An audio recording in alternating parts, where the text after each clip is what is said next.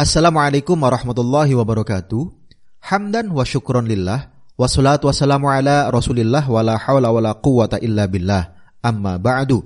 Pendengar buletin dakwah kafah rahimakumullah. Alhamdulillah kembali hadir di tengah-tengah Anda semua. Buletin dakwah kafah kali ini edisi 258. 6 Safar 1444 Hijriah, 2 September 2022 Masehi. Kali ini akan mengangkat tema rakyat adalah amanah, bukan beban. Bismillahirrahmanirrahim. Dalam waktu dekat, pemerintah berencana mengambil kebijakan pahit untuk rakyat. Dalam pidatonya, Presiden Republik Indonesia Joko Widodo mengisyaratkan akan menaikkan kembali harga sejumlah BBM termasuk Pertalite. Padahal belum lama pemerintah menaikkan harga sejumlah BBM seperti Pertamax, Pertamax Turbo, dan Solar Dex. Pemerintah beralasan subsidi BBM sebesar 502 triliun sudah membebani APBN. Sebagai kompensasinya, pemerintah akan menyediakan bantalan sosial atau bantuan sosial bagi warga terdampak. Pemerintah melalui Menteri Keuangan Sri Mulyani juga berencana mengubah skema dana pensiun yang dipandang menjadi beban negara. Pemerintah pun sudah bulat mulai tahun depan akan menghapus pegawai non-aparatur sipil negara atau non-ASN alias honorer. Kebijakan ini bakal dirasakan pahit oleh rakyat, apalagi sebelumnya pemerintah juga menaikkan iuran BPJS. Ragam kebijakan di atas pastinya akan dirasakan sebagai tambahan penderitaan rakyat. Pasalnya, selama ini mereka sudah terjepit oleh beragam kenaikan harga kebutuhan pokok. Apalagi kenaikan harga BBM akan mendorong kenaikan berbagai barang dan jasa. Otomatis hidup rakyat semakin nelangsa. Pendengar rahimakumullah, rakyat bukan beban. Mengurus negara memang bukan pekerjaan mudah, namun menganggap hak rakyat untuk mendapatkan subsidi sebagai beban adalah keterlaluan. Negara yang memandang rakyat sebagai beban hakikatnya adalah negara kapitalis. Doktrin ideologi kapitalisme mengajarkan bahwa negara menyerahkan kegiatan ekonomi sepenuhnya pada mekanisme pasar, minim campur tangan negara warga yang hidup dalam ideologi kapitalisme harus menjalani skema survival of the fittest. Tidak aneh jika rakyat sering mendengar pernyataan politisi dan pejabat negara yang meminta rakyat untuk berjuang sendiri. Ketika harga minyak goreng meroket dan langka di pasaran, rakyat dianjurkan mengurangi memasak dengan cara menggoreng. Ketika harga cabai naik, rakyat diminta untuk berkebun cabai di halaman rumah. Ketika harga beras naik, ada seruan agar rakyat miskin melakukan diet jangan banyak makan. Ketika harga telur naik, rakyat diminta juga jangan meributkannya. Bantuan yang disiapkan pemerintah ada, namun diberikan secara selektif, bukan untuk seluruh rakyat.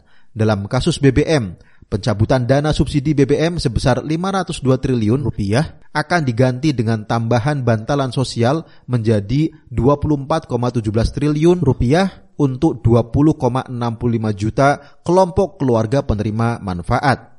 Pemerintah tutup mata bahwa dampak kenaikan tarif BBM dirasakan oleh semua lapisan masyarakat. Ini bertolak belakang dengan kebijakan pemerintah terkait urusan pembangunan. Di tengah beragam krisis ekonomi yang menimpa rakyat, rencana pembangunan ibu kota Nusantara atau IKN tetap akan dilanjutkan. Padahal pembangunan IKN menelan biaya 486 triliun rupiah. Sebesar 20 persennya diambil dari APBN atau sekitar 97 triliun rupiah.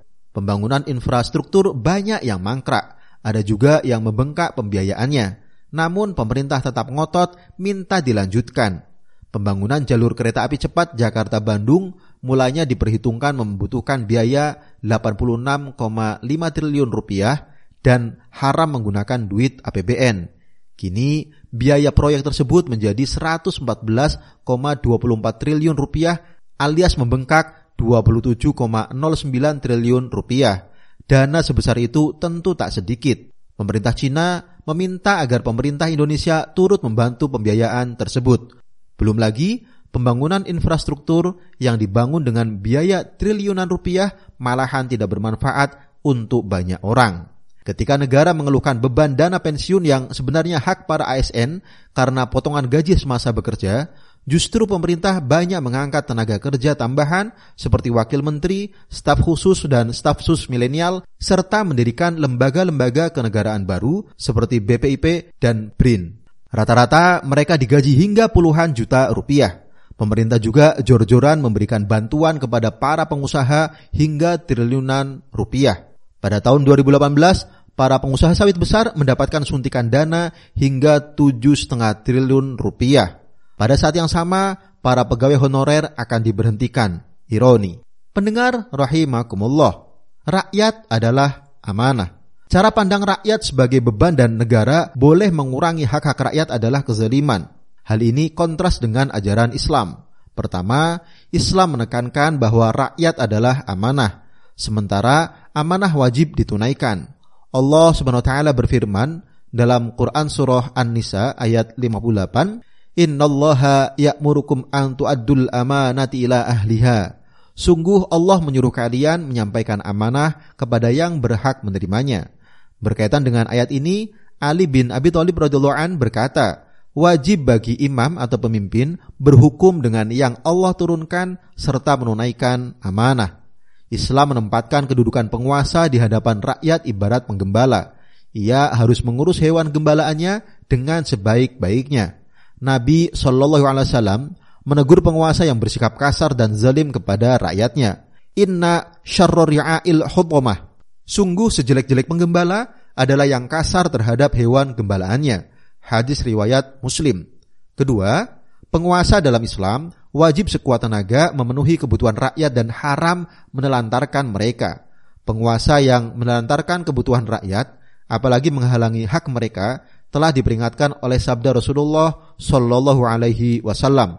Ma min imamin yughliku babahu duna dzabil hajati wal khallati wal maskanati illa aghlaqallahu abwabas samai tuna khallatihi wa hajatihi wa maskanatihi.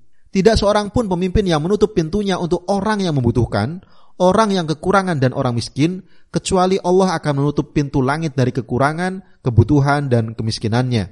Hadis riwayat At-Tirmidzi. Islam juga melarang penguasaan sumber daya alam oleh swasta asing maupun lokal seperti air, migas, dan minerba yang menyebabkan rakyat hanya mendapatkan keuntungan sedikit dan harus membayar mahal untuk mendapatkan semua itu. Ketiga, pelayanan dan pemenuhan kebutuhan untuk rakyat berlaku sama dan adil, tidak didasarkan pada perbedaan status ekonomi maupun agama. Dalam Islam, semua warga muslim atau non-muslim, miskin atau kaya, berhak mendapatkan pelayanan dan jaminan hidup seperti pendidikan, kesehatan, listrik, air bersih, BBM secara cuma-cuma atau dengan harga ekonomis. Itu karena dalam Islam, negara atau khilafah tidak menempatkan hubungan penguasa dan rakyat seperti pedagang dan pembeli. Dalam sistem kapitalisme, pemberian subsidi selalu ditujukan untuk warga ekonomi lemah dengan mengabaikan kelompok masyarakat lain. Sebenarnya, ini adalah cara penguasa kapitalis berkelit dari kewajiban mengurus rakyat. Mereka menentukan sendiri besaran bantuan, jumlah penerimanya, dan kriteria orang yang berhak mendapatkan bantuan. Akibatnya, banyak orang yang sebenarnya terdampak tekanan ekonomi dan membutuhkan bantuan diabaikan. Alasannya, mereka bukan orang miskin. Misalnya, pada tahun 2021, Badan Pusat Statistik atau BPS menentukan bahwa status warga miskin adalah mereka yang memiliki pengeluaran di bawah 472.525 rupiah per kapita per bulan. Dengan menghitung tingkat pengeluaran hari ini, maka angka tersebut sangat tidak realistis. Keempat, dalam Islam, khalifah dan para pejabat negara membatasi jaminan hidup mereka demi mendahulukan kesejahteraan rakyat. Diriwayatkan bahwa Khalifah Umar radhiyallahu an menolak kenaikan tunjangan hidup dari Baitul Mal untuk keluarganya karena malu dan ingin mengikuti kehidupan Rasulullah Shallallahu alaihi wasallam. Sikap ini berasal dari peringatan Nabi Shallallahu Alaihi Wasallam kepada para penguasa agar jangan memiliki kehidupan yang lebih mewah dibandingkan rakyatnya. Beliau bersabda, La yahilu lil khalifati min malillahi illa qas'atan. Qas'atun yakuluha huwa wa ahluhu wa qas'atun yadha'uha baina yadayin nas. Tidak halal khalifah memiliki harta dari Allah kecuali dua piring saja. Satu piring untuk kebutuhan makannya bersama keluarganya dan satu piring lagi untuk ia berikan kepada rakyatnya. Hadis riwayat Ahmad. Kelima, negara khilafah akan membebaskan warga ahlu zimah atau non-muslim dari pungutan jizyah jika mereka tidak mampu. Khalifah Umar bin Khattab radhiyallahu an pernah memberikan titah pada Baitul Mal untuk menghentikan pungutan jizyah terhadap warga non-muslim atau ahlu zimah saat mereka tidak mampu. Apalagi jika telah berusia lanjut. Inilah bentuk pelayanan negara khilafah terhadap warga non-muslim. Sebaliknya, dalam sistem kapitalisme, semua warga termasuk orang miskin tetap dikejar-kejar pajak atau terkena sanksi. Bahkan, Menteri Keuangan pernah menyindir warga yang tidak mau bayar pajak sebaiknya tidak tinggal di negeri ini. Keenam, Islam akan memprioritaskan pembangunan yang benar-benar bermanfaat untuk rakyat banyak, bukan proyek mercusuar yang hanya dinikmati segelintir orang dan menguntungkan kaum oligarki. Untuk itu, setiap pembangunan harus dikaji mendalam agar bermanfaat bagi umat dan tidak sia-sia. Tidak seperti sekarang.